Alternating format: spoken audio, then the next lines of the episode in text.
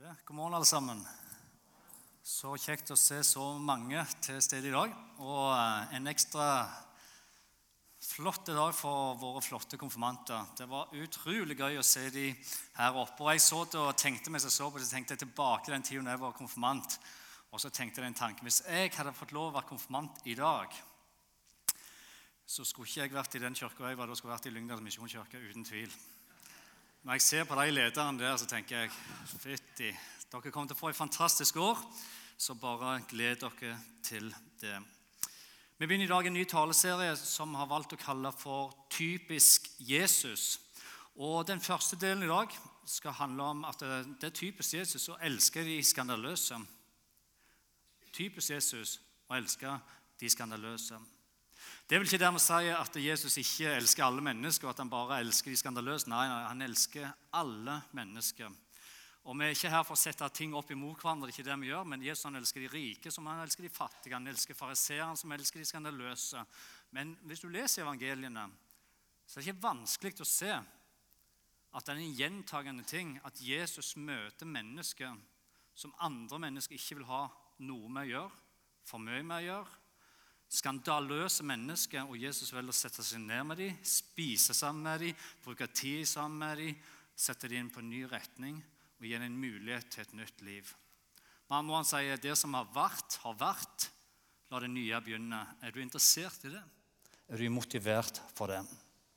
Så Jesus, uten tvil, typisk Jesus, å elske de skandaløse. Og Så skal vi se hva betyr det for oss nå i dag. Nå vet jeg ikke hvordan det er med deg, men Her i sommer så skulle vi ut og reise på ferie. og det gjør vi hver sommer. Og sånn som det pleier å være Hver sommer så pakker vi liksom koffertene. og sånn som det hjemme hos oss, da, vi er fem stykker i familien, så prøver vi også å få det til sånn å pakke minst mulig, så vi får en noenlunde grei plass i bilen. Altså Minst mulig til koffertene, minst mulig kofferter, sånn at du får en god plass og en god opplevelse på turen. Og Nå vet jeg at jeg sannsynligvis er på tynn is. Men jeg prøver meg for det. Men jeg er ikke sånn når det kommer til størrelse på koffert og ting en skal ha med seg på om det er ei uke eller to uker på ferie. Så pleier det å være sånn at kona har liksom størst koffert.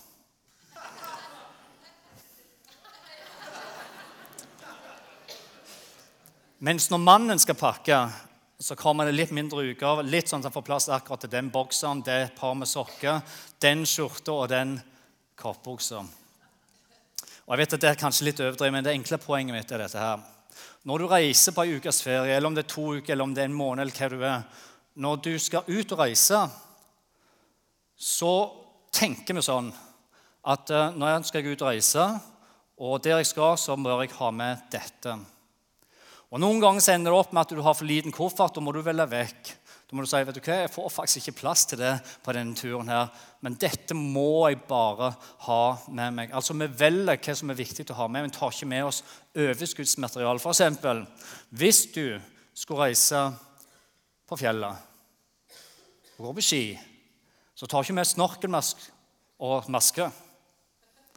Eller hvis du skulle reise til Syden, så er det jo helt naturlig at du ikke tar med deg ski og staver. Det blir liksom bom. Det var ikke det du skulle ha med på den reisen.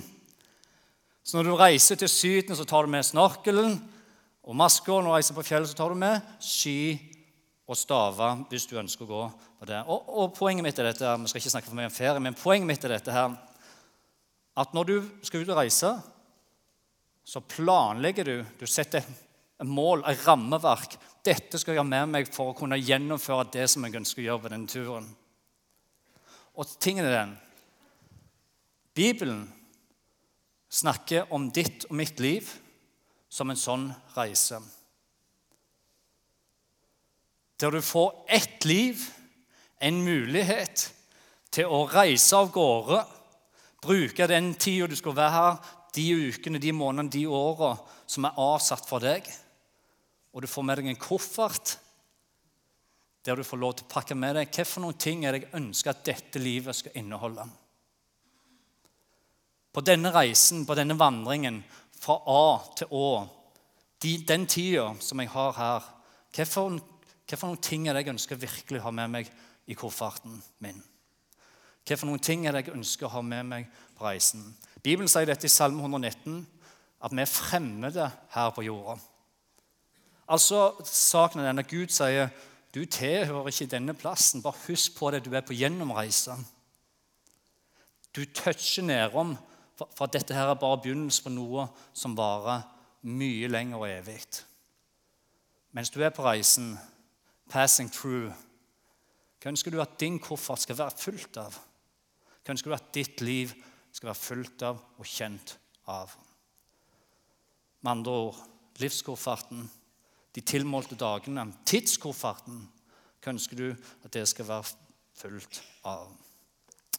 En av de mest kjente historiene i Bibelen er historien om den bortkomne sønn. Og Vi skal bare gå kjapt gjennom den. og I Lukas 15 så står det at eh, Jesus han forteller en historie, han forteller tre historier om ting som har kommet bort, og som er verdifullt. Og så ender han opp med denne bortkomne sønnen som er en tredje og siste fortelling. Og sånn som historien er, så handler det om en far som har to sønner. En far to sønner. Den ene sønnen han går lei hjemme, og han kommer til far sin og sier vet du hva, La meg få arven nå på forskudd. Jeg ønsker å reise til et land langt borte, bosette meg der. Og så ble det sånn. Og Vi tenker kanskje ikke så mye over det nå i vår tid, for det er ikke så uvanlig å få forskudd på arv osv. Men på den tida når dette skjedde, når Jesus fortalte det, så var det skandaløst. Det var det samme som å si at sønnen sa til far sin, 'For meg er du nå død.' Jeg flytter bort til deg, og her kommer skillet. Du kommer ikke til å se meg igjen. Vi er ferdig, finito, og det var en skandale å gjøre sånn.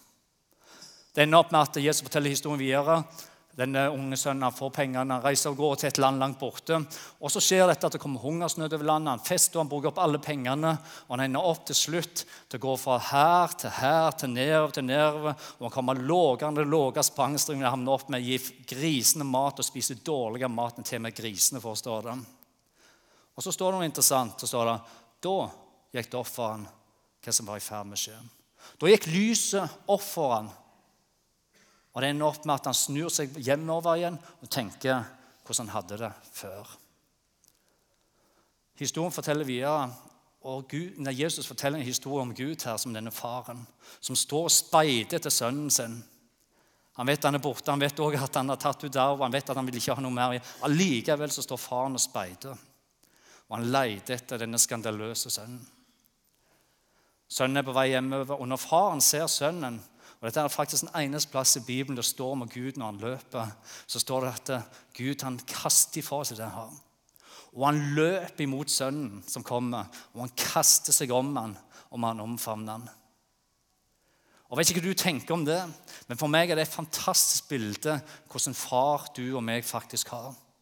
Og Han tar med seg sønnen hjem, og det står videre at han gir den største festen ever. Og det blir en fantastisk fest hjemme når sønnen kommer hjem. Når vi i dag sier at det, det typisk Jesus elsker de skandaløse, så er ikke det bare en historie som Jesus forteller. Men Jesus lever dette ut i livet. Som denne kvinnen som ble tatt i hor. Dommen på den tida var steining til døden. Hun var en skandale. Virkelig skandale. Og De tar henne med og de kaster henne ned framfor Jesus. Og Jesus ser på denne eh, kvinnen, og det står han tegner i sanden. Og Jeg vet ikke hva du tenker om dette, her, men det er én ting når du leser i Bibelen. Men hvem er hun nå i dag? Hvis vi skal løfte hun inn i vår samtid, i vår tid Jo, hun er kanskje den som vokste opp her i Lyngdal. Som gikk i parallellklassen din. Når jeg ble gammel nok, 16-17 år, så reiste hun inn til storbyen for å søke lykken. Hun kjøpte seg leilighet, og alt så ut til å gå bra. Men så var det et eller annet som skjedde, og det gikk ikke så bra. Det eneste du hører, er at hun jobber i storbyen, og det går ett år, to år, tre, fire, fem og seks år før du plutselig hører nyheten, og det krasjer fullstendig. For hun jobber ikke, nei, hun har valgt å prostituere seg for å tjene penger til livets opphold. Og Spørsmålet mitt er hvordan møter vi denne dama? Jesus han bøyer seg opp og Det ender opp med at alle bare går bort, for de kan ikke kaste steinene på henne. Og det står at eh, Jesus sier til henne heller ikke jeg fordømmer deg. Gå bort og synd ikke mer. Jesus satte en ny retning, ga en ny vei. Hvorfor? Jo, for det er typisk Jesus elsker de skandaløse. Eller den her Sakkeus som det står om, som måtte oppgi et tre. Han var så liten. Hvem er Sakkeus? Jo, han var forhatt av folket der. Han var en overtoller. Ikke bare han var en overtoller, men han stjal mer enn det han har rett til å ta fra de fattige. Hvis vi skal flytte Sakkeus inn i dag, hvem er Sakkeus for oss i dag? Jo, han òg er vokst opp her i Lyngdal. La oss si han vokste opp her. Han var en av dine kompiser som du sparka fotball med, som du kjente, nabogutten. Og så plutselig så kommer nazistene og tar over landet og okkuperer landet vårt. Og av alle så hopper Sakkeus over og blir en av dem. Sakkeus blir pengeinnkreveren til nazistene. Og ikke bare tar han skatt ifra oss, han tar mye mer, for han bygger sitt eget stort hus og vil ha flere biler i garasjen. Det er Sakkeus. Og av alle mennesker så velger Jesus å stoppe med han når han kommer inn i byen. Hvordan hadde du reagert på det? Hvordan hadde du reagert på det? Jesus går inn, han setter seg ned, og fra den dagen så endrer livet til Sakkeus seg. Da han snur helt opp på livet sitt, gir alt tilbake og får ny retning og nye muligheter for livet sitt. Hvorfor? Jo, for det er typisk Jesus å virkelig elske de skandaløse. Eller som denne kvinna, samaritanske kvinnen som sitter på brønnen. Og Jesus kom inn, og Ikke bare samaritan, som er fiender for jødene. Jesus var jøde, og hun var en fiende. De snakket ikke sammen, men hun var også en kvinne og alene. Og Jesus setter seg ned med brønnen, og han prater sammen med denne dama. Og han sier til henne du har hatt fem menn. Det er skandaløst på den tida. Og hvem er hun? Og hun er den som kanskje vokste opp her i Lyngdal som var ung, og som hadde framtidsutsikter, som hadde drømmer i livet. Som ønsket seg å lengte etter å få en skikkelig mann. Men kanskje hun var den som var uheldig.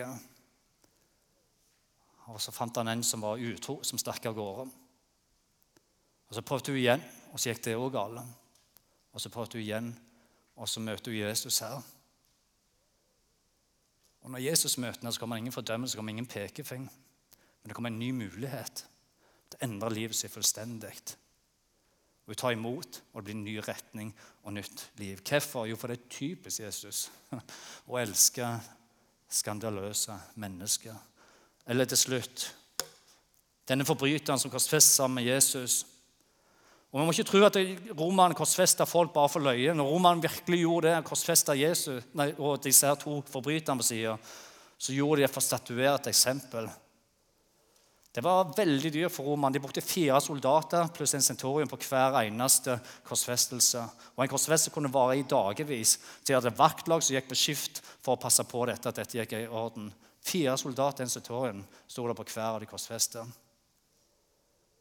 Så det var dyrt. Så de gjorde ikke dette bare for moro. Dette gjorde de når det virkelig virkelig var galt. Og Det sier oss noe om hvem Jesus henger på sida av to forbrytere som har kommet til punktet til Roma sier nok er nok. Nå statuerer vi et eksempel. Så klemmer de på korset. Den ene spotter Jesus, den andre sier til Jesus, 'Jesus, kan du komme og hu meg?' 'Kan du huske på meg?' Er det en mulighet for en sånn som meg? Skandaløst. Han har ikke mulighet til å komme ned og fikse opp i noen ting. Han visste at dette var hans siste spørsmål å spørre. Og I løpet av noen få sekunder så retter Jesus seg opp og så svarer han, i dag skal du få være med meg til paradis. Og Hvorfor er det sånn? Jo, det er sånn fordi Jesus elsker alle mennesker, også de skandaløse. Og Så er det en ting å lese det, og Vi leser jo det. Det står jo igjen og igjen og igjen i evangeliet. Spørsmålet er ikke det om det skjedde, for det skjedde, men hvorfor skjedde det? Hvorfor er det typisk Jesus elsker de skandaløse? Og da er det to ting som er veldig tydelige i Jesu liv. At han nummer én var dreven av en nød. Og nummer to han valgte å tjene mennesker. Han var dreven av nød, og Jesus kom ikke for å herske men for å tjene mennesker. Typisk Jesus å tjene mennesker. Det står dette i Matteus evangelium 9. Så står det Jesus han vandra nå omkring i alle byene og landsbyene. Han underviste i synagogen deres, han forkynte evangeliet om riket. Og det står at han helbreda syke og de som hadde plaga. Jesus gikk fra landsby til by, og han helbreda syke. og Han underviste i synagogene, og folk begynte å stimle rundt ham, og han så massene kom. Og når han så folkemengden og her greia, Jesus han jobber, han står på rundt omkring, og plutselig en dag så løfter han blikket, og så ser han utover folkemengden som er der. Når han ser folket rundt seg, så står det at han får inderlig medfølelse med dem. Det er nød som bare Og hvorfor? Jo, for de var forkomne, hjelpeløse, som sauer uten hyrde. Hva gjør Jesus da? Og det neste han gjør, er viktig for oss. Han snur seg mot disiplene, og så sier han Hei, ser du det samme som jeg ser? Klarer du å se det som jeg ser? At høsten er stor. Nøden er stor, men de som arbeider, er få. Be derfor høstens Herre om å sende ut arbeidere for å høste inn grøten. Ser du de samme som jeg ser? Og Nå vet jeg at dette her er utrolig enkelt bilde på det. Men spørsmålet er ønsker vi å være sukker, ønsker vi å være salt. Ja, Det er et godt spørsmål, vanskelig spørsmål i grunnen poeng mitt er dette. Hvis du, står, hvis du kjenner den elva, du står med sida, og du ser at det kommer en gjeng med kanoer, du kjenner den elva, og du vet at det er fire-fem minutter lenger nede i elva der det er kano ned fire-fem minutter, så kommer det et foss, og det er et stup, og det er et fall, og det bare er død. De overlever det aldri. Og Du står med elvebredden der det er fint og det er godt, og så ser du disse tre kanoene komme, og folk som vinker, og det er sikkert tyskere som er på ferie. Sånn får du høre de snakke litt rart. Eller kinesere. Det meste er det samme. Nei, det er ikke det. bare. Men i hvert fall de snakker et annet språk, og så står du der og så vinker du tilbake. Og så kommer de på kano. Du vet at det er fire-fem minutter, men det vet ikke de. Men du bare vinker. Og så tenker du, som en god kristen, jeg håper at det går greit. Gud, du strekker nok ut ei hånd lenger nede i veien. Og så vinker du 'lykke til', for det er å være sukker å være salt. Eller har du den nøden som gjør at du løfter blikket og sier fra Hei, hør etter. Dette kommer ikke til å gå bra hvis du fortsetter sånn. Jeg har noe til deg. Hvis du ønsker det, så har jeg noe nytt for deg. Truls Åkerlund, som er forfatter, han er òg teolog, forkynner, coach. Og han har skrevet en av de beste bøkene jeg noen gang har lest, som heter 'Gud i kirkeasyl'. Og Han skriver det er ikke lett å leve ekte i en verden omkranset av plast. Og Hva er det han mener med det? Jo, det han gjør, at han stikker fingeren rett inn i kulturen vår, og så virvler han litt rundt i boka, og så skriver han dette. Vi lever i en verden der sjarm teller mer enn karakter. Vi lever i en verden der pondus teller mer enn en ryggrad. Vi lever i en verden der spisse albuer teller mer enn rene hjerte. Og Så stiller han spørsmål blir vi påvirka av den verden vi lever. Og svaret hans er ja. På den ene eller den andre måten så blir vi alle påvirket. Spørsmålet er ikke om vi preges, men hvordan vi reagerer på forandringen som skjer rundt oss. Nummer én skriver vi kan flykte fra det som hender. Vi håper at det går over. Vi kan gå ned i katakombene eller vi stikke av verden rundt oss, fjerne oss, stikke hodet i sanden og bli værende der. Eller nummer to Vi kan gifte oss med tidsånder, velle tynne oss ut som saft i vann til vi mister både smak og farge og ender opp med verdens sukker når vi må regne med skal være jordens salt. Eller vi kan velge et tredje alternativ, som er i midten. Det fins et tredje alternativ, og det handler om nød og velge å tjene andre. Her i siste uke så hentet jeg Vivian, som er dattera mi. Hun er ni år gammel. og Jeg hentet henne på skolen. Og når eh, jeg kom ned, så så jeg henne i bilen. Det regna litt ute, og så så jeg hun kom imot uh, bilen. Hun tar i dørhåndtaket, og dørhåndtaket går opp, og så plutselig hører jeg bare det boom, smeller det ca. tre meter fra bilen. Og det er en syklist fra ungdomsskolen som bare sier det godt nå, han tryner skikkelig og faller i bakken, og det smeller, og alle folk bare Det stopper opp. Han har sykkelen oppå seg der. Og jeg bare tenker Oh my, hvordan går det der? liksom? Og så ser du Vivian på ni år. Hun er på vei inn i bilen, hun snur rundt.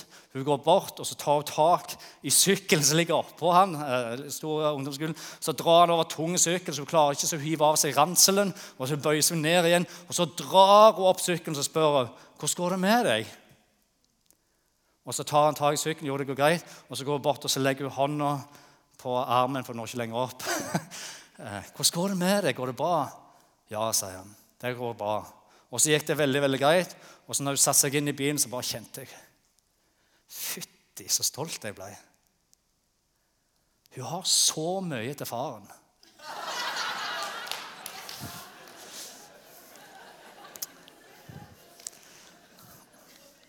og mest etter mora.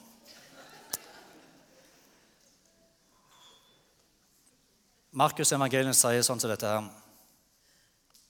Den som vil være stor blant dere, skal være deres tjener. tjener. Hvis du, hvis du ønsker å være stor i Guds øyne, så begynn å tjene andre.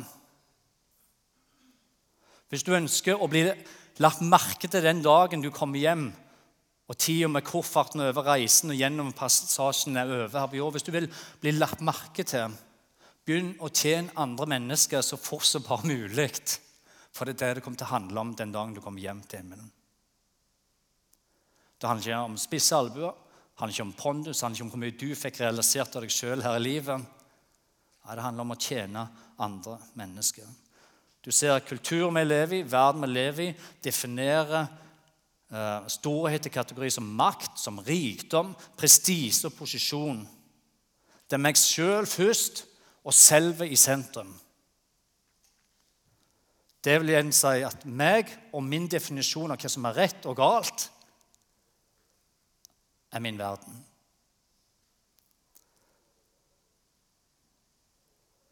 Tingene er, Det er skrevet tusenvis av bøker om lederskap, veldig få om tjenerskap. Og Kanskje grunnen til det er nettopp at det er ikke så bestselgerne som skriver om tjenerskap. Men gi meg ei bok om ledelse, så er vi der med en gang.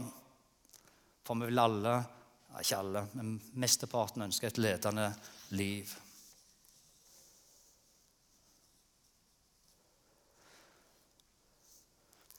John Wesley, som var en uh, fantastisk mann, han var en predikant, han var en uh, enormt Han var kjent for å bry seg om mange. Han tjente mange andre mennesker. Han skriver dette her, og det summerer i grunnen det hele. Han skriver han levde på 1700-tallet, og han skrev dette. Gjør alt det gode du kan, med alle midler du har, på alle måter du er i stand til, på alle steder, til alle tider, overfor alle mennesker, så lenge du kan. Og det er mektig, og det er stort. Men det er det livet vårt virkelig handler om. Så kan du si ja, men jeg er ikke den typen. Jeg er ikke den som gjør de store tingene. Det er lett for deg å si, og det er lett for de å gjøre det, men jeg er ikke typen. Ok? Jesus setter faktisk ikke store mål for oss. Han, han drar det veldig langt ned og sier, 'Vet du hva? Her kan alle være med.' Og han skriver dette, eller sier dette den som gir en av disse små, om så bare et beger kaldt vann å drikke fordi han er en disippel, sannelig sier dere, han skal slett ikke miste sin lønn. Så han ber ikke om mye, men han ber om karakter. Han ber om fokus på andre. Han ber om nød, og han ber om å tjene andre.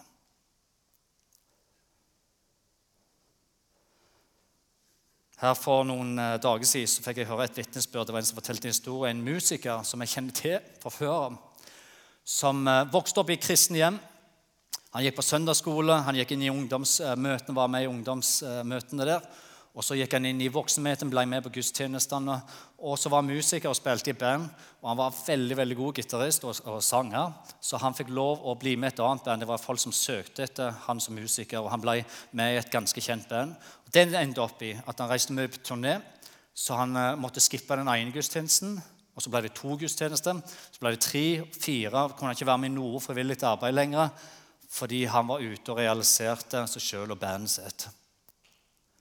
Det igjen, forteller han videre, førte til det ble den ene festen, og så ble det den andre festen, den tredje og fjerde og femte. Og det bare eskalerte. og skal gjøre en lang historie litt kort. Og han sier til slutt så endte opp med at jeg drakk og festa så mye at jeg visste ikke hvor jeg var hen. Og det igjen endte opp med at en kveld på en nattklubb så havna han i et slåsskamp. Han visste ikke hva som skjedde. Han var helt vekke. Våkna opp noen dager seinere på sykehuset, der sykepleieren sier til ham når du kom inn her, så hadde du 10 sjanse for å overleve. Når han hører det, så kommer han plutselig til seg sjøl. Så tenker han dette går jo ikke an. Jeg kan ikke pakke kofferten min og la det være med det. Var det det jeg skulle ha ut av livet mitt? Jeg realisere meg sjøl og feste livet fra meg? Så han slutter i bandet. Han slutter med en gang. Han går inn i en samtale til pastoren, og han begynner igjen å være med i menigheten. Og er den dag i dag lovsangsleder i en stor menighet i Amerika. Hva er poenget mitt? Her, Jesus, Det er typisk Jesus å elske de skandaløse. Og han gir oss haugevis av muligheter for å ta imot det og starte nye liv. Jeg håper at du pakker godt til slutt. Jeg håper at du pakker godt i livet ditt. Jeg håper konfirmantene òg velger liv som ikke bare handler om seg sjøl, men velger om å tjene andre. Skal vi bli enige om det? At vi kan pakke gode kofferter den tida vi har igjen.